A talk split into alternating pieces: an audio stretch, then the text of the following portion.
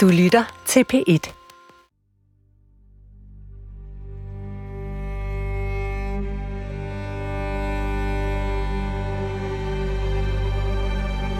Der er én ting, som Eva og jeg ikke har talt om endnu.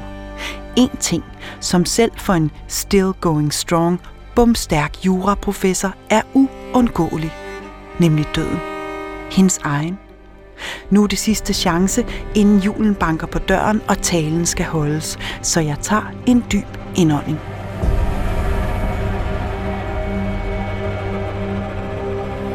Eva, går du rundt og tænker på døden?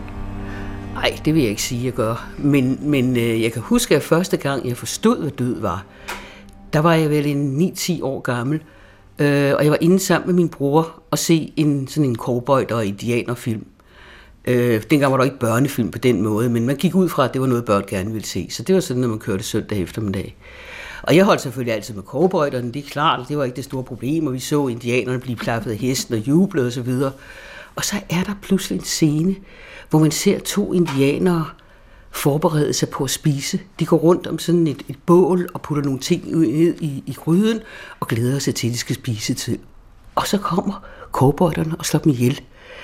Og jeg, det var simpelthen chokerende for mig, at de slog dem ihjel, når de var midt i at lave sådan en fredelig ting som at spise. Og havde, jeg tænkte sådan, jamen nu får de jo så ikke den mad, de havde glædet sig til.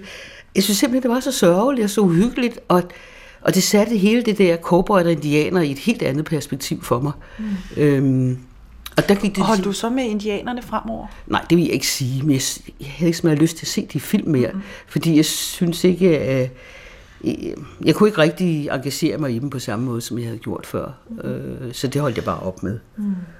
Og det har måske lidt forbindelse til, hvordan jeg har, har reageret på min mors død. En, ja, det var længe efter, måske 20 år senere, så hørte jeg en øh, udsendelse, eller i fjernsynet tror jeg det var, og det var en dreng på vel 12 år, og det han talte om, det var, at hans lillebror, som så vel var 10 eller sådan noget, var død af, af, af kræft.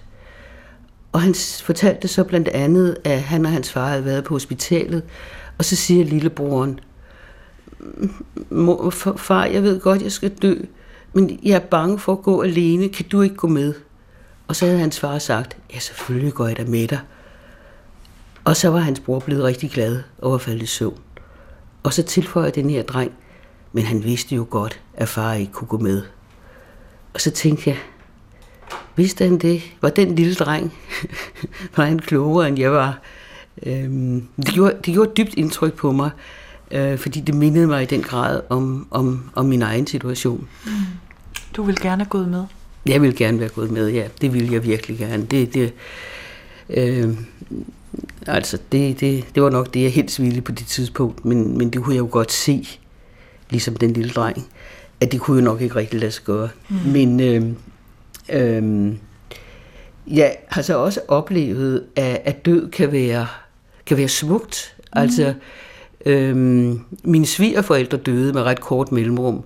Det var egentlig min svigerfar, der var syg, og vi gik ud fra som givet, at min svigermor ville overleve ham med mange år.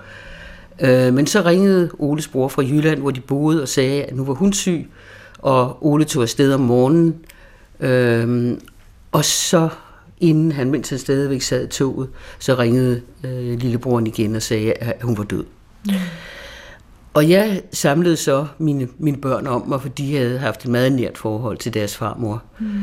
Øhm, og så sad vi der øh, og snakkede sammen faktisk resten af dagen, og fortalte historier om hende, og grinede nogle gange, fordi det havde været så sjovt, og græd andre gange, fordi det var så sørgeligt, når I var her mere. Og de, de, det var, sådan, det var faktisk meget livsbekræftende, synes jeg, at vi kunne sidde på den måde og snakke om hende, både det gode og, og det triste. Og, og på det tidspunkt havde jeg kun et barnbarn i Danmark. Han, han var fem år, og han var jo med, fordi hvor skulle han ellers være? Og han sad faktisk lige så stille og legede med sit legetøj, og mm. øh, afbrød os overhovedet ikke. Jeg tror, han på en eller anden måde fornemmede, at der var en lidt højtidlig stemning, og mm. øh, han kom lige så forsigtigt hen til sin mor og sagde, at jeg er sulten på et tidspunkt, og sådan noget. Ikke? Han, han, øh, og der tænkte jeg på, at sådan, sådan ville jeg gerne have, at, at, at mine børn opførte sig, når jeg var død, at jeg altså at det kunne blive en blanding af noget, at de huskede nogle ting, og, og, de, øh, og noget var sjovt, og, og noget var måske lidt sørgeligt. Mm. Øh, fordi jeg tror jo, at det, den måde, det evige liv, øh, det det liv, vi lever øh, i, i de mennesker, vi har kendt på jorden, det er det, den erindring, de har om os, som er, er det evige liv, vi nu, vi nu har. Og, og øh, nu har jeg jo fået så mange efterkommere, så der er jo nok nogen, der vil huske mig. Jeg er det derfor, du har fået så mange børn, Eva? Nej, det er det ikke. Det er øh, i, i grund til, at jeg har fået så mange børn. For at få evigt liv? Nej, det tror jeg, for, det er først og fremmest, fordi jeg har jeg er helt vild, vild med spædbørn. Jeg har altid elsket de der små bitte børn, og, øh, og det har været så nemt for mig at være gravid. Øh, så det, det har været sådan, det har været naturligt for mig. Øh, du kunne også have fået en kattekilling. Ja, jeg, jeg kunne også have fået en kattekilling, men det er, nu, det er nu altså ikke helt det samme. Selvom jeg kan godt huske, da vi skulle have Ida, som var mit fire barn, så sagde, øh, så sagde netop min svigermor til min ældste tore, glæder du dig ikke til at få en, en, en, en lille søster eller bror? Ah, sagde han så, jeg ville egentlig hellere have haft en hundevalp denne gang. det kunne jeg jo egentlig godt forstå. Ja. At han så sådan på det. Yeah. Yeah. Men en af mine sønnesønner, Hjalte, han fortalte mig en dag, at han havde tænkt sig til min begravelse, så ville han synge Kringsat af Fiender. Og han synger vældig godt, mm. så det er en meget smuk tanke. Så siger jeg, hvorfor vil du netop synge den sang? Så sagde han, det er fordi, jeg tror, det er din yndlingssang. Og det er min yndlingssang. Og hvordan pokker, og man har hørt det på en eller anden måde, eller jeg synes, det kom meget bag på mig, at han af alle sange valgte den, sagde, den ville han synge. Så det håber jeg, han gør. Mm. Mens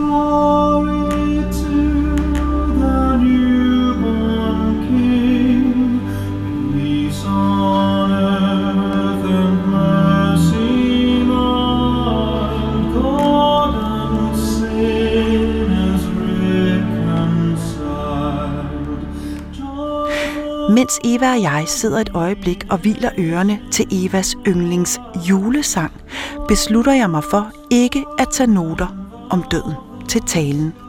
I stedet noterer jeg blot i mit stille sind, at evigt liv naturligvis består i, at slægter skal følge slægters gang. Og på den måde er Eva jo usædvanligt godt stillet med sine 21-22 børnebørn. Hjalte inklusiv, som altså vil synge den smukke fredssang kringsat af fjender til hendes begravelse.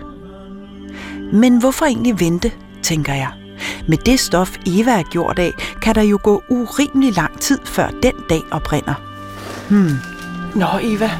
Men først skal vi lige til Le Grand Finale i denne her julekalender.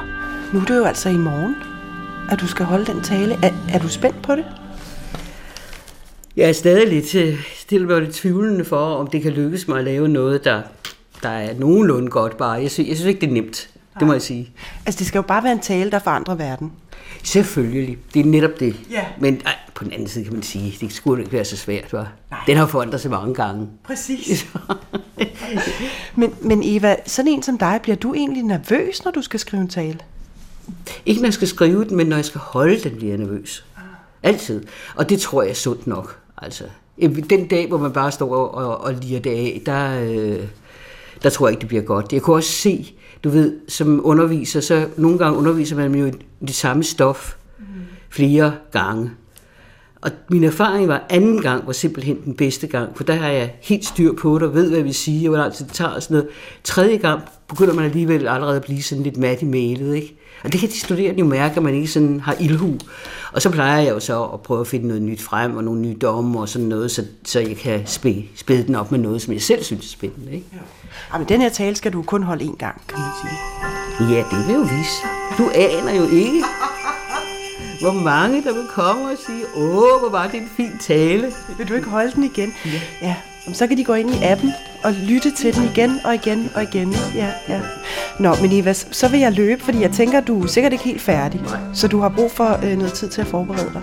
Jeg efterlader Eva med sin umulige opgave, som jeg muligvis er lige så spændt på som hende. Så husk at tænde for din radio i morgen den 24. december kl. 15.30. For så håber jeg, at det endelig bliver jul.